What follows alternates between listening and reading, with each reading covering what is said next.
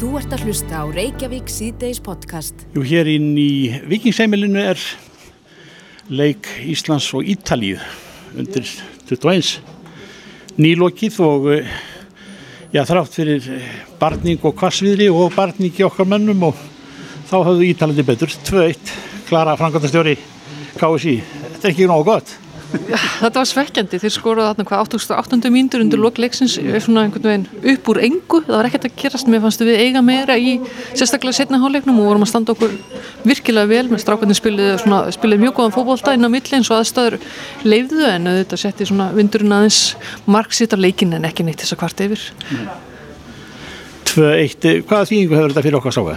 Eh, við náttúrulega vonum að vonast þess að allir mann á fjó, minnst fjórun stígum úr þessum tveimu leikin sem eru núna en núna er náum við þá mestarlægi þremur og ég held að það geti skila okkur öðru sætt í riðlinum og þá möguleika á umspili. Ég er svo sem ekki búin að skoða niðurstöður annara leiki en ég held að við komumst ekki næri en það. Það er nú alltaf sagt um uh, heimsókn Ítala og annara suður-evróskra knastbyrnilega að hinga að, að veðri gangi lína okkur en það, það var ekki núna. Nei, enda svo sem veit ég nú ekki hversu það er, er á við lengur því okkar, okkar strákar eru náttúrulega og, og stelpur eru fannar að fara í auknum mæli til Suður-Európa að spila þannig að, við erum kannski heldur, heldur ekkert orðinni sérstaklega vendi að vera í rokkinu og aðstæður eru það góðar allt áraðin kring hér á Íslandi að, en ég veit ekki, ég kannski svona veður bara einn típa en mér fannst ekki þetta hægt að vera hvart yfir veðrin í dag en það er nógumber og þetta var kallt á vellinum og þetta var alltaf veg Svo er það stóri leikurinn í kvöld, sögulegu leikur og það er nú talað um það að það sé bara síðasta sjóferðin í að mörgu leiti. Þetta er náttúrulega, menn reyfi upp spennuna hér í Fraklandum árið og þegar við komumst upp á þennan stall sem við höfum nú haldið okkur á síðan. Hvernig er stráflíkuna? Bara mjög vel, þetta verður, þetta verður skemmtilegt fyrst og, fyrst og fremst og okkar undirbúningur er búin að ganga alveg samkvæmt okkar plönum. Þetta er því miður orðin hálkið keppni sótturnum líka og okkur hefur gengið það ágætlega. Auðvitað mistum við út eitt leikmann sem er jákvæður og, og við erum búin að gangi gegn mýmislegt í þessu en yfir heldina sé þá held ég við getum bara vel við unna og við erum með svo til okkar sterkastarlegi kvöld, vel undirbúinn og klári slægin og þetta verður gífilega spennandi. Mm. En uh, alveg börsið sjá því hvernig leikunni fer í kvöld, er, eru menn að spila sinn síðasta leik þarna kjarnin í, í liðinu svona af hreinskilinni sagt Nei, það er ekki nóg eftir þeir þessi drengir er eins og, eins og sagtur um gott rauðvin, verða betri með aldrinum og ég held að við hefum ekki afskrifa neitt sögum aldus. Mm. Við sjáum hvað gerist í fórsöldakostningum um bandaríkjanum einhver hefur nú búin að slá báð þessa manna af en, en þeir voru báðir í þessum slá og ég held að okkur leikmenn, ég ætla ekki að segja að þeir endur sér að blingi og, og þessi frá fórsöldaframbjóðundur en þeir eiga eitthvað enni mm. En ungverjarnir, eh, þeir hafa verið að, að styrkja stöðu sína, eh, lifa náttúrulega ekki á forðlið fræðferkarinnarir eh, og eru alls sterkir og geta verið við sjálfverðir. Já, ég minn, þetta er einhverja aukvisa sem við munum að spila við, þetta er hörkulið og, og á þeirra heimavelli og ég er fullvisum að við munum fá jafnan og spennandi leik og, og fyrst og fremst skemmtilegan leik, skemmtilegan fókbaltaleik vonandi og undir fá við nokkuð mörg og ég ætla ekki að fara að spá í þetta spunnu gefnu, ég veit ekki hvort að taugarnar á mér myndi þúla það í kvöld en hérna bara vonum eftir, vonast eftir góðum ógslutum og ég held að sé sérstaklega mikið mægt fyrir íslenska íþrótarheimingu að fá sem besta, besta niðurstöðu í öllum greinum og öllum landsliðum og, og knaspinurheimingin er núna í því döðafæra við getum komið þremur landsliðum í lokakefni núna í, í nógumber eða fyrir þannig að leik voru það þrjú. Og náttúrulega minguðu möguleikar auð 21 aðeins en að kalla og að kvenna við menn þá möguleika að fara áfram og bara þetta væri frábært fyrir í kvöld. Klara, áfram Ísland. Áfram Ísland Þú ert að hlusta á Reykjavík C-Days podcast. Jæja, Reykjavík C-Days, sko, það kom rosa vandlit mannasáðið þegar það var tilkynntum þetta bólefni mm -hmm. frá Pfizer. Og svo brostu Íslendingar þegar að e, Frankværtistjórn Evrópusambandsins undirritaði samning við Pfizer. Já, akkurat. Og við erum e, þar undir. Við erum búin að tryggja okkur, við erum búin að tryggja okkur í það mista kakar tveimu framleiðendum. Akkurat. En e, svo velta með því fyrir sér, hvernig verður staðið að þessu? Hvað er við snögg að bólusetja heila þjóð þegar mm -hmm. að fara kemur? Menn hljóta vera farnir að tekna planið upp? Akkurat, svo hefur allþjóða helbreyðsmálastofnunin já, gefið út svona hvernig þessu verður hátt að hverjir fá fyrst bóluefni og, og þar eru þetta framlýnu starfsfólk og, og svo fólk í áhættuhópum. Mm -hmm. uh, helst nefnt til sögunar en það er spurning hvernig það verður hér á landi. Já, e, var það ekki rétt, hjó ég ekki rétt eftir tölunum, það var talað um að Evropasambandi væri búið að treytja sér 300 miljónir skamta þessu?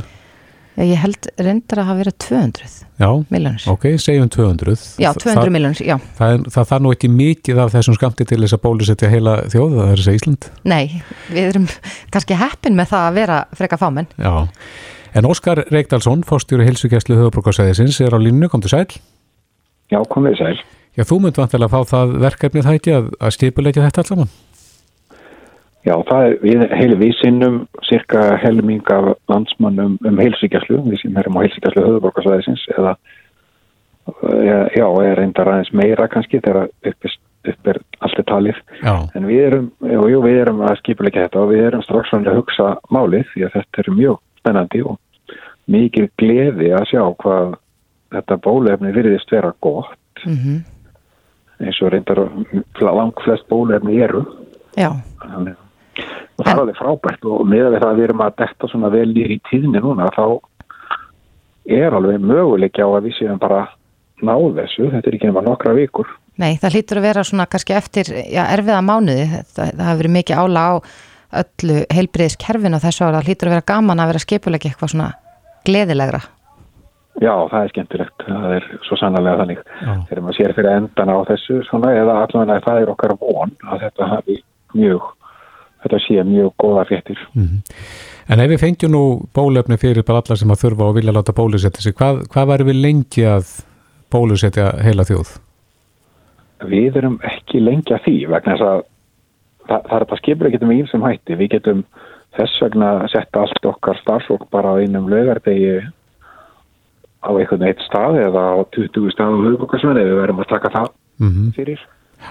Og þá erum við nú ekki lengi að þessu. Þetta Þannig að þetta er aðalega eftir hvað við fáum efnið fljótt. Mm -hmm. Það eru meiri líkur á að við fáum þetta í smásköndum og við byrjum á að velja úr ákveðna hópa og svo færum okkur áfram eftir áhættunni. Akkurat. Það er alltaf einhver hópur af fólki sem að, já, bara kannski trúur ekki á bólusetningar eða vill ekki láta bólusetja börnin sín. Eru, eru Íslandingar almennt séð döglegir að, að, að fá bólusetningar?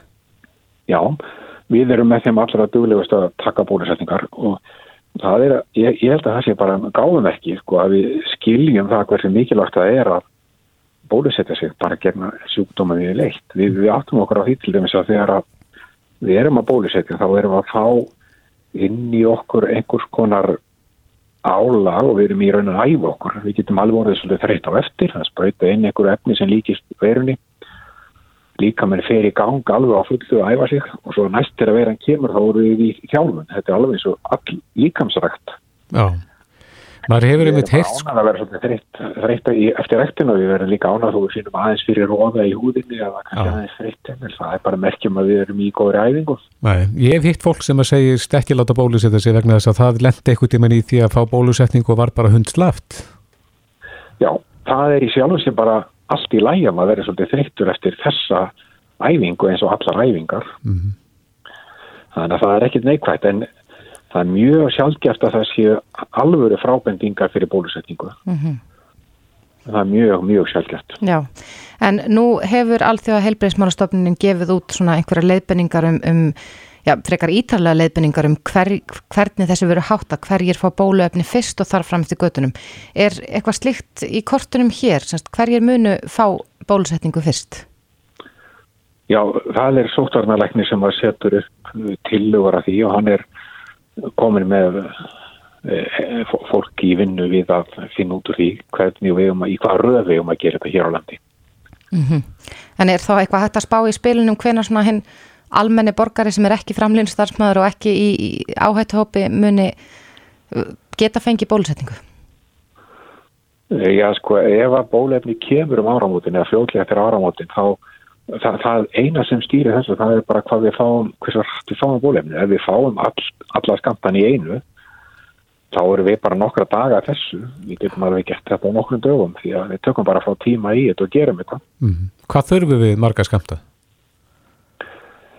Já, sko það er reiknað með tveimur, ég held að þessu bólefni er reiknað með tveimur bólusetningum að maður þurfa að fara tvísvarsinnum og tvær, tvær vikur á milli. En það fyrir það, það er ekki öll bólefni alveg eins hvað þetta var þar. Nei. En, en Óskar, það er nú stundu talað um hjarð ónæmi þannig að svona miða við það þá, þá þyrfti kannski ekki að, að bólusetja alla þjóðina, eða hvað?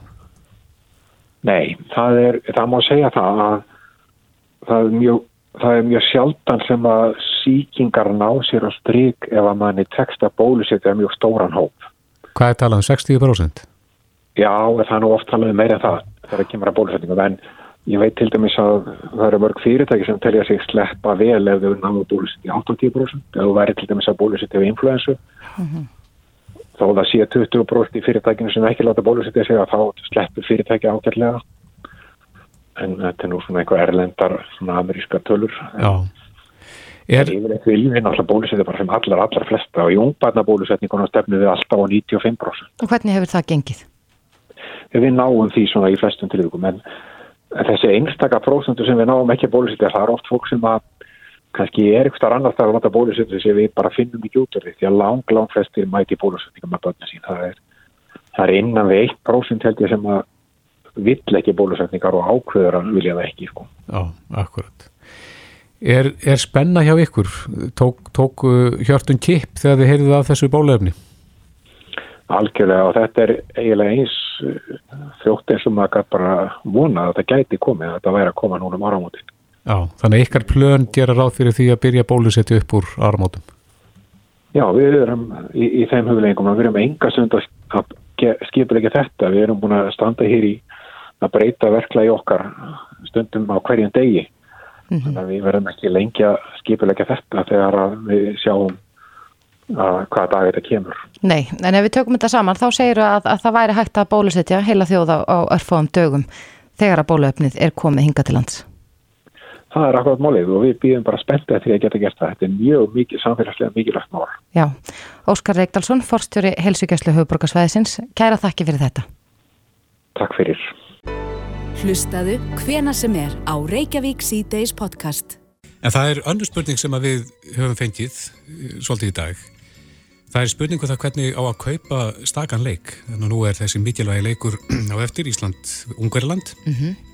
Hvernig fyrir fólk að því að kaupa leikin í gegnum afruglæðan? Akkurat, á línunni er Magnús Hafleðarsson, markastjóri Votafón á stöðvart 2. Kom til sæl. Komið þér. Alltaf þú að leiðbina okkur í gegnum þetta og þeim sem eru þarna úti og hafa hugaði að kaupa? Já, bara mín er ánægjan. Sko, blessunlega þá er þetta nú umfaltferðli. Mm -hmm. Þetta er auðvitað kannski elítið nýtt fyrir, fyrir mörgum og því kannski erlegt að margir spyrja þessar spurningar. En fyrir langflesta og því hvort að við komum til síðan með myndlíkir frá, frá Vodafone eða símanum, mm -hmm. að þá er einfallega að kaupa, kaupa aðgangar leiknum á 990 krónur, 1000 krónur á símanum með, má segja, tveimur smellum. Þetta er í viðmótunu, áverðum mjög ábyrrandi á, á bara rauninni þegar fólk opnar myndlíkilin eða það viðmót sem að blasi við um það, þá það blasa við einfalt að velja leikin og kaupa aðgang. Mm -hmm. Þá opnast einfallega á, á stöðina, þetta verður búið að opna núna kl. 5 í dag, millir 4 og 5 að markna að opna á, á það sem hafa kipt aðgang og ekkert eftir nema að njóta. Akkurat. Nú, svo eru einhverju sem er að nota stöð 2 appið og þar þarf að fara aðeins aðra leið. Það er aðgangu, á stöð 2 sem hættir að finna bara inn á stöð 2.is Um, og þá opnast samanskapið þar inn í, inn í appinu sem það horfið gegn mappið. Mm -hmm. Nú, þriðarlegin sem að einhverju eru með er Nova TV appið, en það eru sama upp á tenningum, tilturlega einfalt, þetta inn í viðmótinu hjá Nova, inn á, inn á hérna, novatv.is, þar eru allar upplýsingar um það. Mm -hmm. Þannig að þetta eru nokkra Nú, leiðir, en, en, en hvað er þá sem eru erlendis? Þetta er nokkra dreifleis. Já, það er opið fyrir dreifinguna á EES-svæðinu eins og okkur er, okkur er heimilt fyrir íslenska kennitölur. Já, en þetta blasir alveg við þegar þú opnar uh, þessa valmynd í, á afruglaranum og það á þetta blasa Já. við. Já, alveg sama hvað þú færð inn, alveg sama hvort þessi afruglaranum hjá okkur eða hjá mm. símanum eða á vefsvöndun á stöðu 2 á að vera mjög áberandi á, á fyrstu síðu, ef svo má segja, mm -hmm. uh, hvert fólk á að fara og hvað á að gera og þetta eru bara einn örfáðismellir. Nú, svo eru, svo eru, fyrir ekki það? Nei, fyrir ekki það, halda fram. Já, svo eru örfáir aðalur ennþá úti sem eru með sem sagt, uh, gömlu myndleiklana. Það er nú ekki margir, en þó eru einhverju þann úti sem geta ekki rauninni farið inn í viðmót og, og keft. Mm -hmm. Og þá er einfalt við að syngja í 14.14 eða 18.17 og þá voru einfallega að ganga frá kaupunum þar. Já. og þá opnast með samanskapi á, á þá árásina. Mm -hmm. Einn spurning sem við fáum frá fólki sem er stætt Erlendis og er með stöðvar 2 appið, er, er hægt að horfa á leikin í gegnum það Erlendis? Já, inn á ES-svæðinu. Akkurat. Já. Glæsilegt. Þetta virðist allavega ekki vera mjög flóki. Þú vonum að sem flestir geti notið þess að horfa á leikin í kvöld. Magnús Hafleðsson. Já, á ekki vera það og ef það er eitthvað vandamál þá bara hérna, ekki hika við að ringja. Magna okkar er opna sem sagt á, útsendingu í öllum maður kemur um og kringum klukkan 5 í dag, útsendingi byrjaði 18.45 þannig að það voru góðu tími fyrir alla að finna út úr ef, ef eitthvað skildi nú komið upp á. Akkurat, en kannski eitt að lokum, Magnús, er hægt að kaupa áskrift líka eh, með þessum hætti á stöð 2 sport? Já, það er að gera það bara gegnum stöð 2.is að einfaldasta leginn, gera það þar. Glæsilegt. Skráða fólks inn með ráðum skilíkum og gengur frá svo erfáðansefandi. Magnús Hárleðsson, markastjóri í Votafóna stöðu 2, kæra þakki fyrir þetta. Bestu þakkir, áfram í það. Reykjavík síðdeis á bylginni. Reykjavík síðdeis, það hefur verið ansi lífleg umræða á þinginu í dag út af þingsáleiktunar tillögu þar sem lagt er til að konur sem meiga ekki undirgangast þungunarofi í heimalandi sínu, mm -hmm. það búið að vera nú nefnt við uh, talað um Póland í þessu samengi, getur komið hinga til lands og notið þjónustunar hér á landi. Það hefur verið mjög fjöruður umræður Já. og menna var stýrst á skoðunum í, í þingi í dag um þessa tillögu en Rósa Björk Brínlúsdóttir, fyrsti flutnismæður er á línnu, kom til sæl. Komið sæl.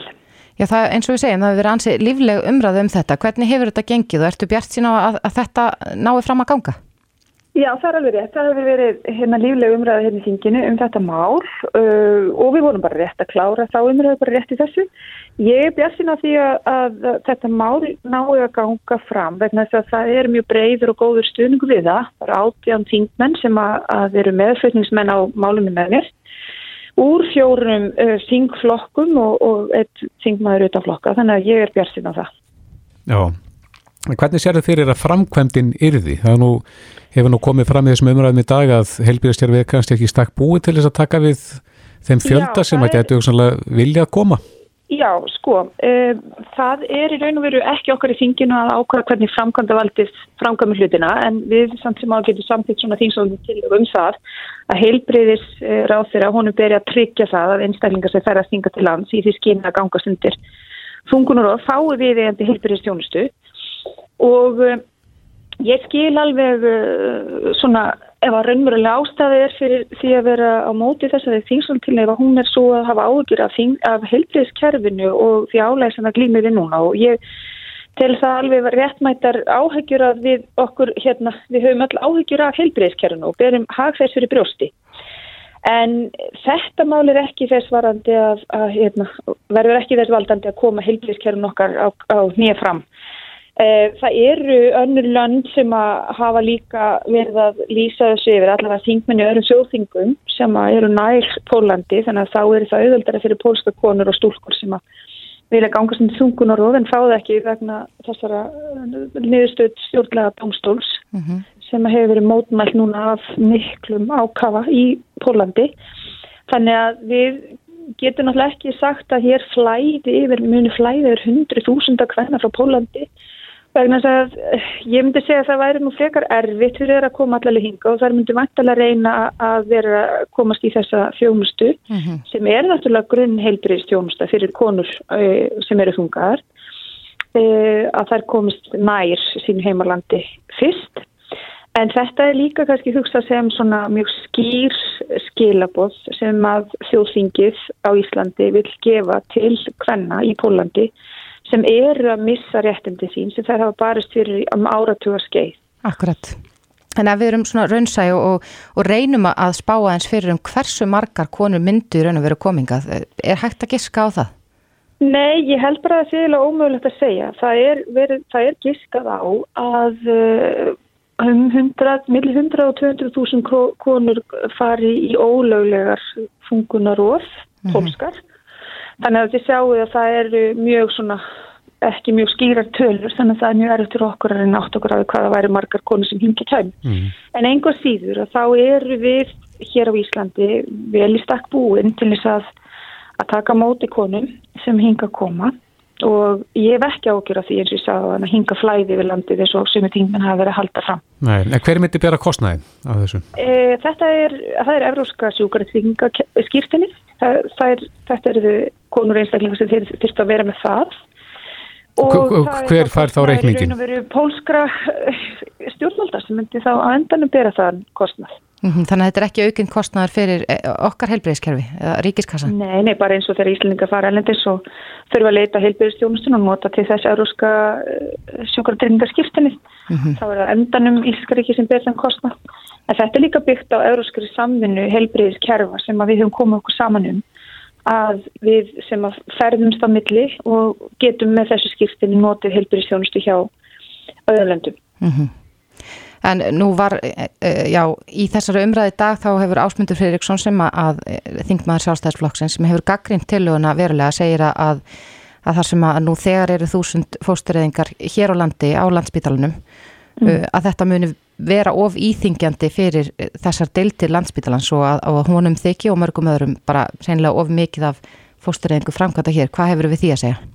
Ég held reynlega að hans afstæð byggist á því á hans anstöðu bara yfir höfuð á fungunarófum. Hann lagði til hér í þegar við vorum að fjalla með um heldar endurskoðun á lögum en fungunaróf e, sem sagt þetta voru 2019 og þá bar hann upp breytingatillögu sem var þess aðlis að við myndum í raun og veru hverfa aftur e, til ásins 1970 þar að segja mika ennfrekar réttindi hvenna. Mm -hmm. Þannig hans afstæða mínumati byggir á andstöðu hans við þungunar og hvenna. En ég verð bara að minna það að, að réttur hvenna til þess að ráða yfir sínum líkama, það er eitt af grundvallar mannréttindum hvenna. Og við hér í Ísland sem er alltaf litið til þegar við erum verið að tala um jafnbrytismálum, við getum okkur góðs, orðspórs í jafnbrytismálum og við um, hérna, mondum okkur að því á erlendum vettvangi stöndum okkur vel að það er litið til okkar og þess vegna eigum við að gefa út skýr skilabóð til pólskara hvernig sem eru núna í 100.000 og miljónavís að mótmæla því út í Pólandi að það sé verið að taka þessi sjálfsögur réttindi af þeim. Mm -hmm. Hver heldur að, hver er verið að mála líkt til þessa máls? Er meirluti fyrir því að, að samþekja þessa þingsóliktinu til á þingi? Ég myndi halda það. Það er meira hluti, það var meira hluti sem samfittu breytingar á endurskoðunum þungunarof. Ég held að það væri meira hluti fyrir því. Nú fer þetta bara inn í velferðinand og, og hérna þau munum kalla þetta gestum og umsögnum þar mm -hmm. og svo tökum við aðra umröðu hérna í þinginu þegar það er búið.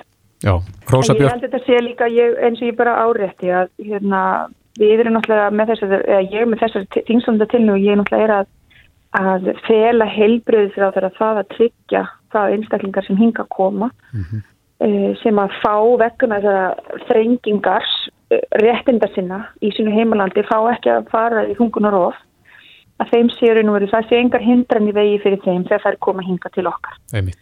og það er meira við sína samstöðu með, með pólskum konum sem eiga það svo sannlega skilið okkar alveg Rósa Björk, Brynjóðsdóttir, Þingona Óháð, kæra þakki fyrir þetta. Takk sem leiðis Bless, bless. Reykjavík síðdeis á Bilginni podcast. Jæja, Reykjavík síðdeis e, singulstagurinn í gær. Já. er Íslands orð komið singulstagir? Dagur einhleipra Dagur einhleipra, það er gott En þetta er, er eins og við rættum nú eins í gær þá fóruð úr því að vera einhvers konar hátíð fyrir einhleipa í Kína úr, yfir í það að vera með sko netverslun á tilbós, þessast tilbóð í netverslunum. Já, og ég veit að margir hugsuð sér gott í glóðurinnar og bara kláruð jólætjafinköpin.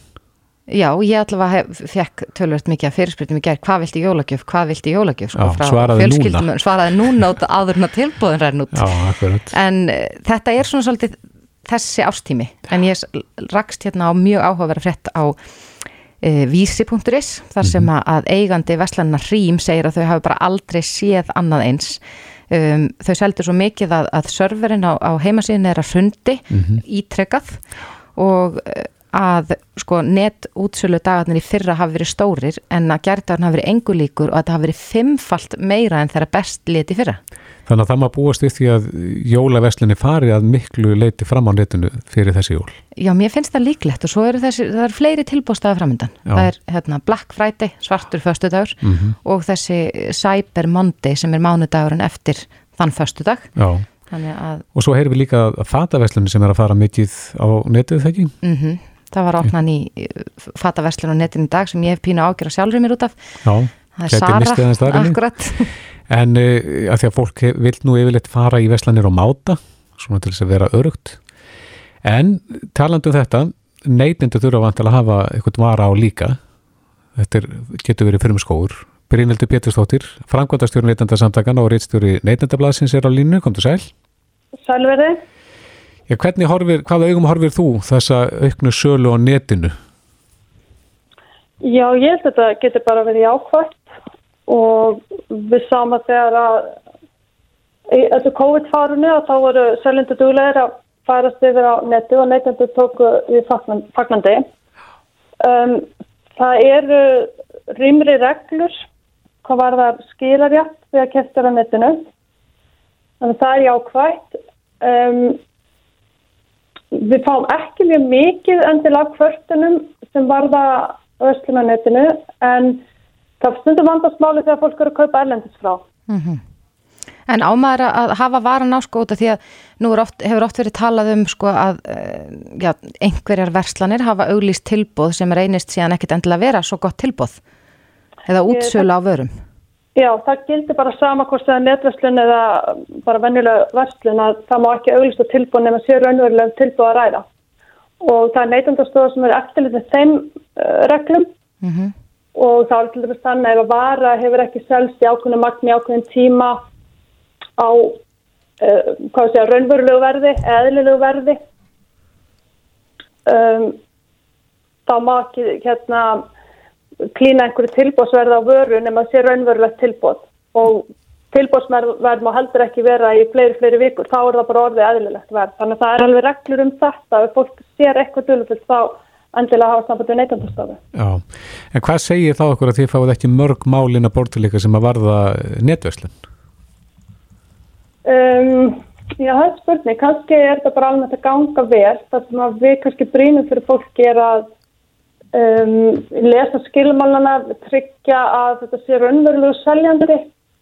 Það eru rík upplýsingarskylda á seljandum sem að selja svona gegn netverslun fyrir að hafa upplýsingar um allar upplýsingar aðgengilega fyrir neytandan, símónúmer, nafn, verslunar, netfang, allar skilmála.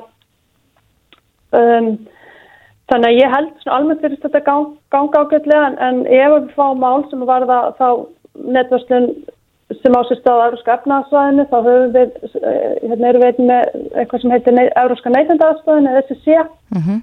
og þá getum við aðstofa fólk um, sem sagt þá höfum við í rauninni samband við SSC stöðuna í því landi þar sem að seljandi er þannig að oft er nú hægt að leysa úr þessum málum en Uh, Það er svona, ég að segja, fólk til dæmis að kaupa vörur frá útlandum og þá hefur það, og, eða hvort heldur sem er á Íslandi útlandum, þá hefur fólk uh, rúman rétt til að skila vörunni sem það á almennt ekki. Það er engin rétt til að skila ógallaðri vöru.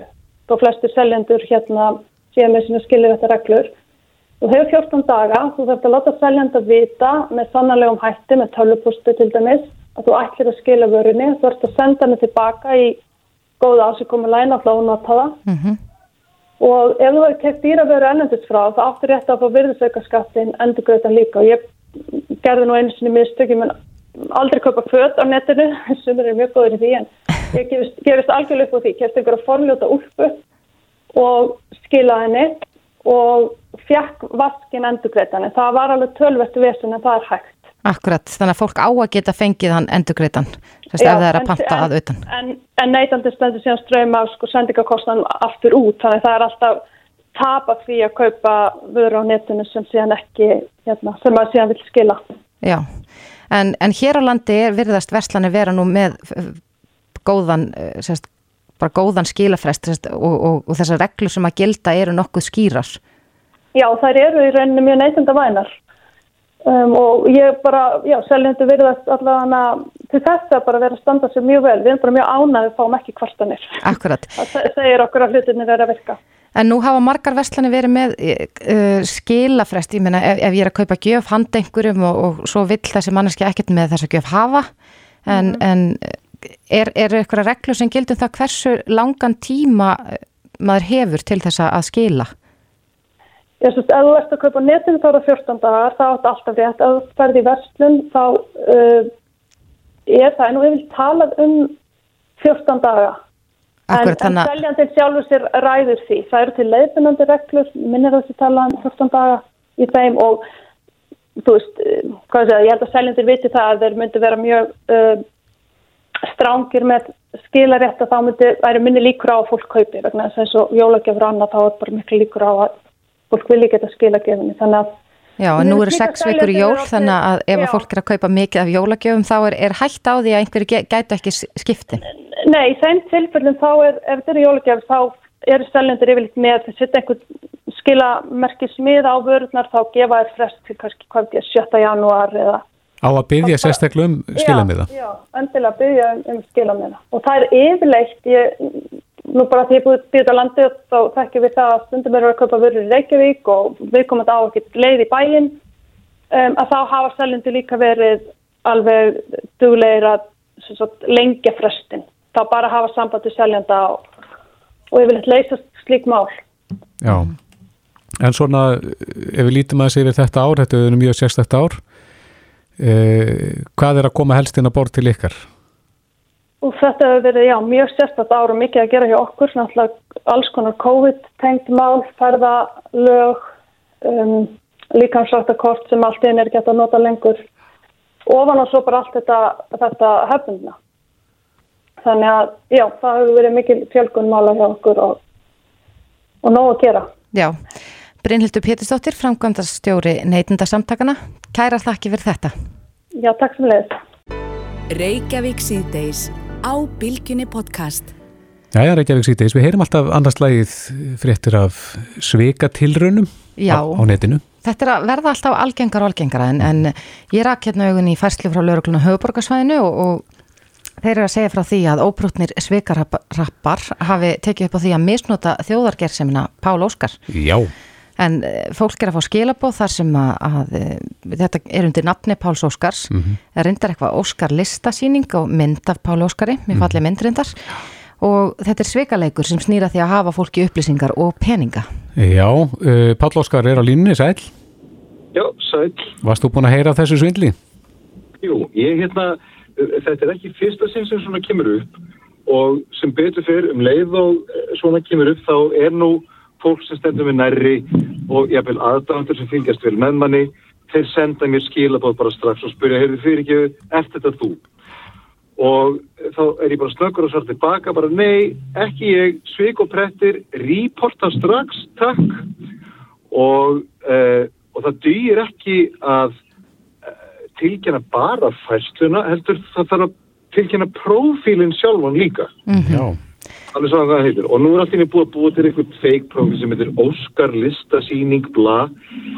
Uh, einhver óprúfin aðli sem að hefur auðvitað pikkað upp uh, þá staðir að ég var að vinna fyrir lista á því í Reykjavík núna um helgina Mm og við vorum að dreifa svo kallum listagjöfum út um allan bæ uh, en málið það er mjög auðvelt að að sjá í gegnum svona síður uh, ég er reyndar svolítið nervus yfir því hvað er, eru fannst að verða betri í íslensku Já. Já. uh, þú veist, en, en svo er svona stórfurðulegt orðaval eins og hérna þú varst valinn lögmætur sigurvegari til að fá 10.000 krónur En Páll Óskar, þú átt nú mjög mikið af aðdöfundum hér á landi. Heldur að einhver hafi fallið í þessa grefju og, og halda að þetta væri þú?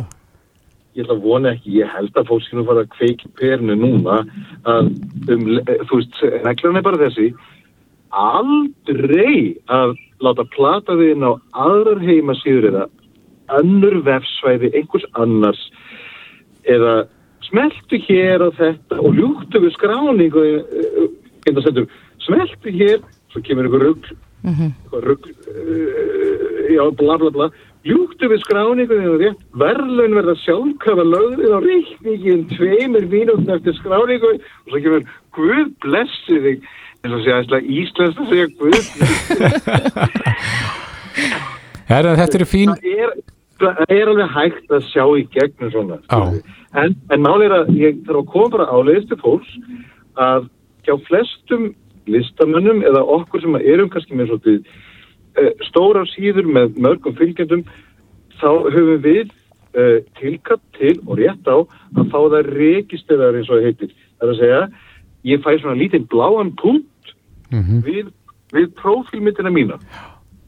Málið er, ef það er lítill blár punktur á svona síðum, hvort sem það er Facebook síða eða Instagram eða hvað, þá er það raunveruleg manneskja þar á baki. Þá er bæði Facebook og Instagram búið að tjekka því hvort ég sé raunveruleg manneskja og, og þú getur alveg treyst svoleiðið síðum. Mhm. Blái, pú- blá- blái punkturinn er bæði á Facebook, Instagram og Spotify og fleiri svona samfélagsfjöld. Gott af að þetta bak veirað, Páll Óskar Hjándisson, kæra þakki fyrir þetta. Yes. Bless, bless. Þetta er Reykjavík C-Days podcast. Reykjavík sítið á bylgjunni. Það hefur verið uh, svona frekar mikil umræða undanförnu eftir að kompás kom út um daginn varandi sko uh, barnaklám og, og hversum að það séu hérna á fjórðatug íslenskra manna uh, til rannsóknar hjá lauruglunum vegna vörslu barnakláms. Einmitt. Og þetta er auðvitað alvarlegi glæpir en, en eins og lögin er í dag að þá er hámarks refsingin tvö ár. Og við heyrum oft uh, svona bara á fólki að því finnst uh, ekki nóg hart tekið á þessum brotum. Ég held að það sé svona uh, einhvern veginn bara réttar vitund fólks. Akkurat. En uh, það stendur til að reyna að kippa þessi liðin inn á, inn á þingi. Akkurat, nú er verið að fara að leggja fram frumvarp þar sem að ver- verið að, sérst, á að, að leggja til að þingja refsingar við vörslu og dreifingu barnakláms. En á línunni er Þorbjörg S. Gunnlustóttir, þingkona viðreistnar, kom til sæl. Sælveri. Þú ert að fara að leggja fram þetta frumvarp í dag, ekki satt? Jú, ég er að mæla fyrir því bara á aftur. Mm -hmm. eftir því þegar hann koma mér er í sæl. Segðu okkur aðeins út á hvað gengur frumvarpið. Frumvarpið gengur kannski í grunninn út á tvent. Uh, annars er það því meður staðreind og veruleiki að þessi brot er að taka breytingum. Uh, tæknifrónin hefur því meður þær aflengar í för með sér að aðgengi að svona efni er meira en áður. Uh, Sakbortningar í svona málum uh, eru með langt um meira efni en var fyrir einhverjum árum síðan, einhverjum vegna þess að aðgengi útbreysla er orðið miklu meira en það var. Um, þannig að tveggjara hámarki sem við erum með, það næri einfallega ekki út uh, utanum það þegar uppkoma þessi stórföldu mál, þessi mm. -hmm. rísavökslu mál. Hitt markmið er það að Norðurlandin hinn hafa á svona liðnum árum endur skoða sínar reglur í þessum efnum og eru meira að sér á þessum slóðum. Þannig að við séum einfallega að færast uh, að vera í takti við það sem að Norðurlandin er að gera í þessu sammingi. Mm -hmm. Og kannski að það er sex ára að meira þetta, það er þinging, veruleg þinging frá tveimur árum en, en ekki vera að tala fyrir neinum öfugum, þetta er að tala um það í því sammingi. Nei, þú starfaðir uh, sem saksóknari frá árunum 2018 til 2020 þ- þegar þú tókst við sæti á þingi. Varstu mikið að vinna með svona mál og, og, og fegstu það reynslu af því sem þú ert að segja að þessi mál hafi raun og veru uh, bæði sko stækkað og fast í aukana? Já, ég, ég var saksóknari og ríkisaksóknari á þessu tímabili en það áður hafi ég starfandi þar áður og áður hjá lauruglustjórnum og höfuborgarsvæðinu og, og verið aðstofnum að dómara í hérastamni þannig að e, og fyrst og fremst e, allan þennan fyrir verið með kynferðsbrotamál til meðferða þannig að ég tel mér nú hafa átt að einsinn inn í það hvernig málin eru. Og svo eins og nefndir hérna í inganginum að þá eru við náttúrulega bara þjóðin að sjá það svart og hvítu til dæmis bara í þessari frábæri umfjöldin í kompási Sem við verðum að fjalla um þetta, það er sér tíu manna með, með réttastuðu grunast manns með ofbúrslega stór mál, þannig að veist, jú, þetta er ef, ef við talum við fólk innan kerfisins, við talum við lauruglu, við talum við ákjöruvald domstóla, þá, þá þekkir fólk það. Að þetta er annað heldur en í gamla daga þegar menn voru að að skiptast á efni með öðrum hættin. Síðan er það þetta þannig með þessi mál að þetta eru þetta brotin sem að ekkert okkar vill vita af enginn vill af þessu vita uh, einfallega að við viljum ekki að þetta sé til. En bæði teknin og svona þróun að öðru leiti hefur gert það verkum að, að einhver leiti eru ángur í, þessari, í þessum brotum sem er einfallega bara skipuleg gleipastarfsemi uh, mikið fjármagn undir. Og síðan þessi punktur sem ég freytist ekki á að nefna það verður að muna það að svona batmaníslefni það verður aldrei til, það er aldrei framleitt nema vegna þess að það er eftirspurn eftir því Já, ég ætlaði með þetta að koma inn á það að, að þannig kannski ekki verið að, að brjóta gegn börnum sko, með beinum hætti en, en það að, að menn skuli sapna þess að það þá ítir undir í dreifinguna, e, e, það er að segja framleysluna. Já, ég menna algjörlega og því hérna þarna held ég maður þurfa að vera í hjartengdir og, og sjá hlutin eins og þeir eru. Hvers vegna verður svona efni til? Jú, það er vegna að einhver vil horfa á það og vil skiptast á svona efni með öðrum af hvaða ástöður það, það er vegna þess að þetta er, það er einhver áhug fyrir þessu. Síðan er þetta líka staðarind og það held ég að allt fólk innan kerfis myndi segja ykkur að þegar upp koma barna miskunum álum menn hafa verið dendir fyrir að brjóta kynferðislega gegn barni þá gerist það þetta oft líka að hjá þeim finnst efni í tölvu eða saga um leit mm -hmm. á netinu. Uh, þannig að það er vikið alls ekki gengið út frá því sem með einhverju vissu og bara alls ekki að menn sem að nota svo nefni skoða það, deila því með öðrum uh, séu ekki líklir en aðri til að brjóta kynferðislega gegn barni. Men auðvitað, auðvitað blasir svo tenging algjörlega við. Akkurat. Þetta hljóma nú eins og eitt af þeim málum sem að munu bara að fara í gegnum þingið á nokkura mótmála. Ertu bjart sín á, á að þetta gangi vel? Ég er nú svo nýjum hérna í þessu húsi, þannig ég ætla að leiða mér að vera bjart sín, en ég verð nú samt að segja að, að ég held ég hafi ástæði til að vera bjart sín vegna þess að þegar að ég kynnti öðrum þingmennum þetta mál, þá var nú niðurstaðan svo að, að á þessu máli eru þingmenn úr öllum flokkum, þannig að ég er bjart sín með það og held að þetta sé raunverulega eitt fyrir að mála sem við ættum öll að vera á, uh, af því þetta er bara einfallega uh, lögjöf sem að þarf að breyta til að svo nái betur frá markmiðin sínum og utan þennan veruleika sem þessi skjálfulegu brot eru. En Þorbjörg, sér þið fyrir að það sé eitthvað sem mæli gegn þessu? Hver, hver gætur rökin verið gegn því að þingja úr tveimur upp í sex? Ég var að vera alveg heiðilega með það. Ég sé ekki rökin gegn því. Um, það er til sexara hámarksrefsing fyrir stórfæld brot. Þannig að uh, veist, við erum ennþá með allt svigurum uh, til þess að uh, það er engur líku til þess að þessi farið upp í þetta hámark nema þegar þannig mál koma upp. Ég held að flesti því sammála en um það að tveggjara þessi hámark fyrir svona brot sé einfallega ekki samræmi við alvarleika brota, þegar maður skoðar önnur ákveð innan kynferðisbrota kaplans þá hefur þetta brot allt eftir Menni, við erum með hámarsauðsengu fyrir nögun upp á 16 ára, þetta beitið ekki, það hefur ekki verið fangandinn að fara alveg upp í topp en það þarf svigrúni. Mm -hmm. Já, Þorbjörg Eskunlustóttir, þinguna viðristnar, við segjum bara gangið vel og kæra þakki fyrir þetta. Takk alveg fyrir spjalli, takk. Takk. Þetta er Reykjavík C-Days podcast.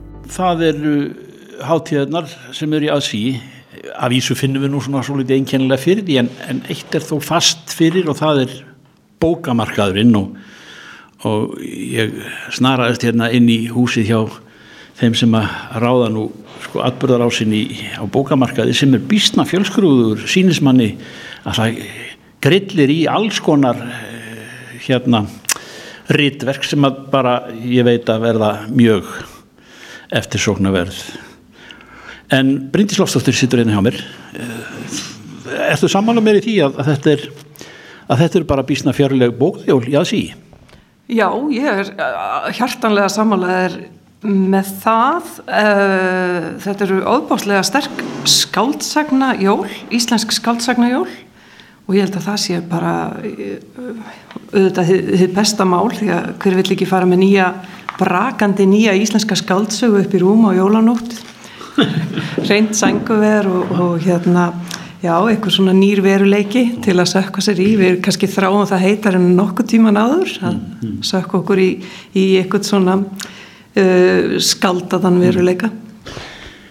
Einhver sagði COVID-jól, þau verða öruglega til og, og það eru margir sem hafa kannski í, í, í svona rólera umhverfi, jável í einangrun, sóttkví eða einhverju slíku, eh, alls konar sögur ratað á blað og í bók hjá mörgum.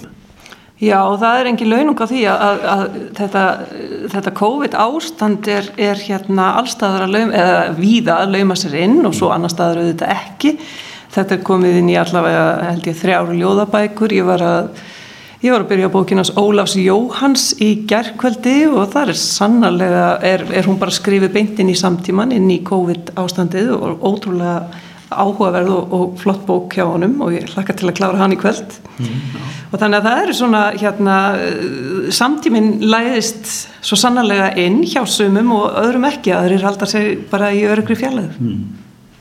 Kanski fleiri en oft áður sem að er að skrifa bækur af því þeir hafa einfallega eh, meiri tíma Já, ég er nú, sko, hlutfall nýra höfunda er kannski bara svipa. Það hefur verið óðbáslega mikið af, eða óðbáslega bara uh, skemmtilega og, og, og mikið af, af nýjum höfundum að stíga fram á sviða og undarförnu og við hvetjum þetta lesendur og kaupendur bóka til að kynna sér þessu nöfn sem að fólk þekkir ekki af því að það þarf að, að hérna, það er ekkert skemmtilega en eiga fyrstu bók höfundar sem síðar á eftir að verða frægur og, og móka inn erlendum velunum og íslenskum En e, það er alltaf spurt um jólun og í setni tíð finnum að það eru, eru glæpasugur, það eru krimarnir eru þeir í ja, fjölsgrúðulegri sókn sem fyrr? Já, við höldum áfram að sjá nýja glæpasagnahöfunda íslenska. Í fyrra komu út 19 nýjar íslenskar glæpasögur eftir íslensku höfunda. Ég er ekki búin að telja hvað eru margir í ár en ég held að sé ósköp svipað. Og það eru þetta, við erum áfram með okkar svona sterkustu höfunda, Arnald og Irsu og, og Ragnar Jónasson, eru kannski, og svo Lilja Sigurðardóttur og svo heldur þetta bara áfram listin langt, langt uh, við eigum ótrúlegan fjölda af, af góðum glæpasagnahöfundum og það er kannski bara orðið svolítið hefð hjá mörgum um þetta að, að, að kippa með sér glæpa, góðri glæpasögu við rúum um jólinn Bönn og unglingar eh, bönnin, blessu bönnin, þau hafa líka búið fjölsgrúðu að útgáfu á undanföldnum árum ef ég get mér rétti til um Já, það er rétt. Það, það er alltaf að, að bætast í hópin nýjir höfundar þar líka. Mm. Við erum með, með þessa svona metsölu höfunda, við erum með Kristínu Helgu, Gunnar Helgason, Gerði Kristni, Ævar, Ævar Benediktsson, nei hérna, já og svo, er, svo eru þetta Bjarni Fridsson sem er, er að koma mjög sterkur með orra óstöðandi mm. þannig að við erum að, að fá fram geysi sterkan hóp, bara þéttan hóp landslið hálfgjert að, að, að hérna, barnabóka reytöfundum mm. og svo eru þetta myndskreita bæku fyrir yngri börnin í bara miklu úrvali bæði íslenskar og þýtar mm. Aftur uh, spyr ég svona, maður hefur tilfinningu fyrir því að það er rakspár sem uppi voru þegar að þegar að krakkarnir heitluðs náttúrulega og stökkun í netheima í einu og öllu Eh, bókin hefur eh, hún hefur staðist eh, sko fyrir í stöðu þar að segja á barnabókamarkaði sínist mér líka.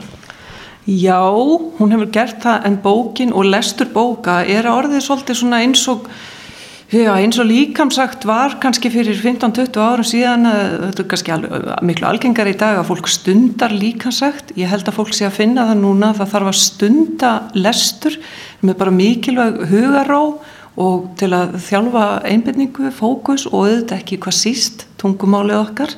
Og það er uh, allra mikilvægast að, að börn lesi og fái orðaforða og skilning til þess að þau geti bara hugsað djúft. Mm, mm.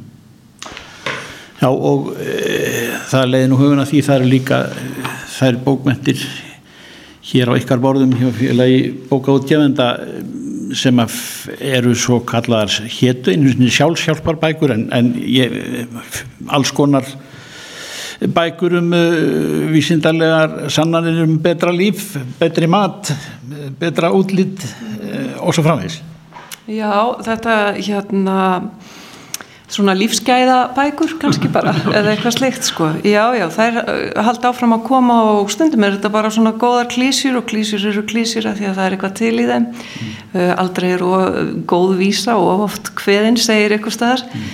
uh, það, er, það er alltaf uh, nokkur gangur í því það hefur verið svona frekar minna, eða núna síðustu 2-3 ár hefur ekki verið jafn mikið af matrislebókum eins og áður en við erum líka að sjá breytingu í matrislebókunum þar erum við að sjá svona mikla bylgu yfir í, í grænmetisrétti og, og slíkt.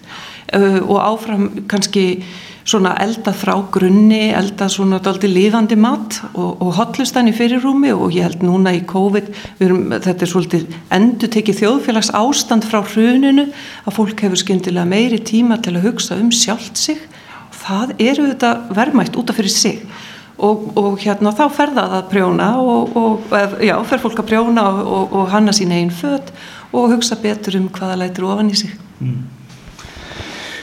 Þegar þú lítur á stablan, lítur yfir eh, allt sem er að koma út, hvar, hvar metur þetta svona, svona tölulega, er þetta, hvað er þetta margir tillar? og þetta er eitthvað um 700 titlar ef ég mann rétt, þetta er aðeins minna en árið í fyrra sem var algjört met ár en þetta er stærra en öll árin þar á undan þannig að þetta er næst stæsta útgáfu ár líðildisögunar með við, með við svona tölfræði bókatíðenda mm. en svo eru þetta alltaf einhverja bækur sem maður fari ekki þangað inn. Og það er svona bara óskup svipað í öllum, öllum flokkum. Ljóðin er að koma mjög stert út núna svo ég nefni eitthvað. Og, og já, það, það er bara þessi fjölbreytileiki sem er okkur svo mikilvægur. Mm. og, og hérna það ættu allir að finna einhverja bók fyrir sjálfan sig og aðra í jólapakkan í ár Og svo náttúrulega fylgir þetta vegvísirinn hinn eini sann í bókatíðindi hvernig fær líðurinn að líta á, á það merkisritt sem ég veit að er að skriða út úr brentvelónu hjá okkur? Jú, bókatíðindin eru einmitt að verið að, að hérna, já, við erum svona að landa þeim og þau fara í póstdreyfingu í næstu viku og fara þá inn á hvert, sérkvært heimili sem ekki frábyður sér fjölpóst mm. en þeir eru nú orðnit aldrei margir sem gera það mm. og þeir geta þá í framhaldinu svona undir lok næstu viku sótt sér eintaka bókatíðindum á öllum enn einn bensínstöðum landið umkring. Bryndis Lóstóttir, við möttum heimsækiði aftur fyrir jól svona, þegar reymingin er komin á, á fullt. Takk fyrir. Takk að þér. Þetta er Reykjavík C-Days podcast. Reykjavík C-Days, það er svo margt spennandi að gerast á stöðu 2 þessa dagana. Já, svo sannlega. Ég held að það sé líka bara nöðsynlegt fyrir okkur þegar við erum að vera meira heima fyrir mm -hmm. að hafa nógu mikið af sjómarsefni. Einmitt. Nú Kristján Már Unnarsson, uh, sátt ég að þekki fréttamaður, hann er á ferð og flugi og uh, er að byrja með þættina sína um all land á mannudagin. Já, þetta eru þættir sem hann er að fara út um all land eins og segir í tillinum og heimsækja samfélög vitt og breytt um landi. Já, mér skilst að hann sé núna þessa stundina einmitt í einhverju uh, ferð út á landi. Sæl Kristján? Já, komið í sæl. Hvar náum, hvar náum við þið núna? Ég er stættur á þingirum í Dýrafjörð. Hér var verið að opna eh, dýrafjörðargöng bara fyrir tveið vikum og ég er að fanga svona steininguna hér á vestfjörðum í kringum samgöngubæturnar og, mm -hmm. og það, verður einmitt viðfársegni eitthvað að þátt að síðar í vetur. Já, ertu búin að fara göngin? Já, já, ég var bara að koma út fyrir svona hálftíma. Algjör draumur, skal ég segja. Ég hérna, var að koma úr mjölkvarvirkjun og hann sagði með stöðvastjórun þar að venilega væri hann 40 myndur að skrölda þetta úr mjölká mm -hmm. yfir á þingeri sko þegar það er fært en nú er, er bara kortir að skrepa þetta á milli. Já, já. já það lítur að vera mikill munur. Já og líka sko þetta er bara öryggi. Þú ert núna komin á Malbíka veg með svona öryggisvegriðum tvíbreyður á, á, á sléttlendi í staðis að fara hérna þessa ríkalegu heiði, ég held að þú sé 550 metra hæg og hérna hún er með þessu svo, svo ríkalega að tengdamamma, hún hún fór ekki einu svona að fara í bíleðuna, hún gekk yfir það sem hún var ríkalegur það neytaði sér í bíleðuna svona var bara, bara fólk var bara þrættu að fara sem fjallið Já, skiljanlega ef aðstæðar hafa verið slæmar, en eh, Kristján Már þetta er, númer hvað er þessi þáttaröð af, af um allt land, þeir hafa nú aldrei slegið í gegn. Sko þeir eru nú búin að vera minnst okkur í ára undir þessu heiti en ég var svo sem byrjaði að gera þætti fyrir 25 árum eða svo þá voru þætti sem Karl Garðarsson gerði sem héttu framlæti framfara sem voru kannski svona svipat þá var ég alltaf að senda inn ekki bara fréttur hérna líka í Íslandi í dag svona, eh, svona þætti hérna og þaðan á landinu sem er svona, svona svip og ég er að gera í þessu þáttu þannig að já ég var að segja undir þessu nafni sem þetta kannski búið að rúla í tíu, tíu ára með þetta kosti og hérna og örgulega yfir hundra þættir ég kannski 120-30 þættir ég bara hef ekki töðað Nei, en þú byrjar aftur á mánudaginn, hvað þá að sjá í fyrsta þætti? Þá fer ég á daldið merkilega sveitabæ sem heitir Svartarkotur í Bárvöldal hann er í 400 metra hæð.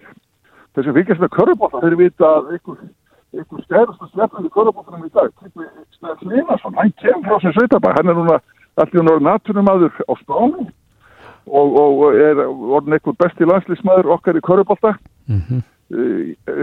þegar hann bara fyrir þegar hann var 16 ára gana þá hafði hann aldrei snert Körubólta eða kannski snert bólta en aldrei æft íþróttur hérna, svo er hann bara orðin stjarn og mammas líka hún var fyrsta konan til þess að vera formað bændasamtaka Íslands. Og það sem er merkilegt að þe- þetta er í 400 metra hæði úr sjámáli, þetta er í hæsta bíla á Íslandi og til að minn átti sig á hvað 400 metra hæði er sko, þá, þá er þetta sko, já Kristján, þú veist kannski hvað hellisegin er há, Jú, jú, hvað já, er hún há? já, ekki með það alveg á reyðum höndum. Nei, en, en ég held, hún, ég veit ekki hvort að, jú, hún slæði ekki þessa hæð. Ég held að þetta sé allavega hálfa leið upp á steini á esjunni sko.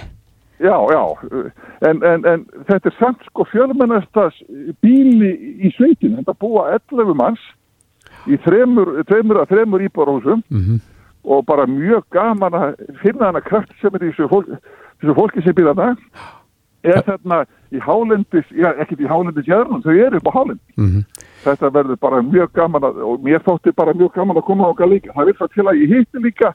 Ég var með þáttum barðastan fyrir einhverjum 5-6 árum eða kannski 7-8 árum þá hitti ég Tryggva Snæð þegar hann var 15 ára og spurði hann hvað hann langaði til þess að verða hann er því stór og hann nefndi ekki það að það sé verða körubáltamaður Hvað ætla hann að verða?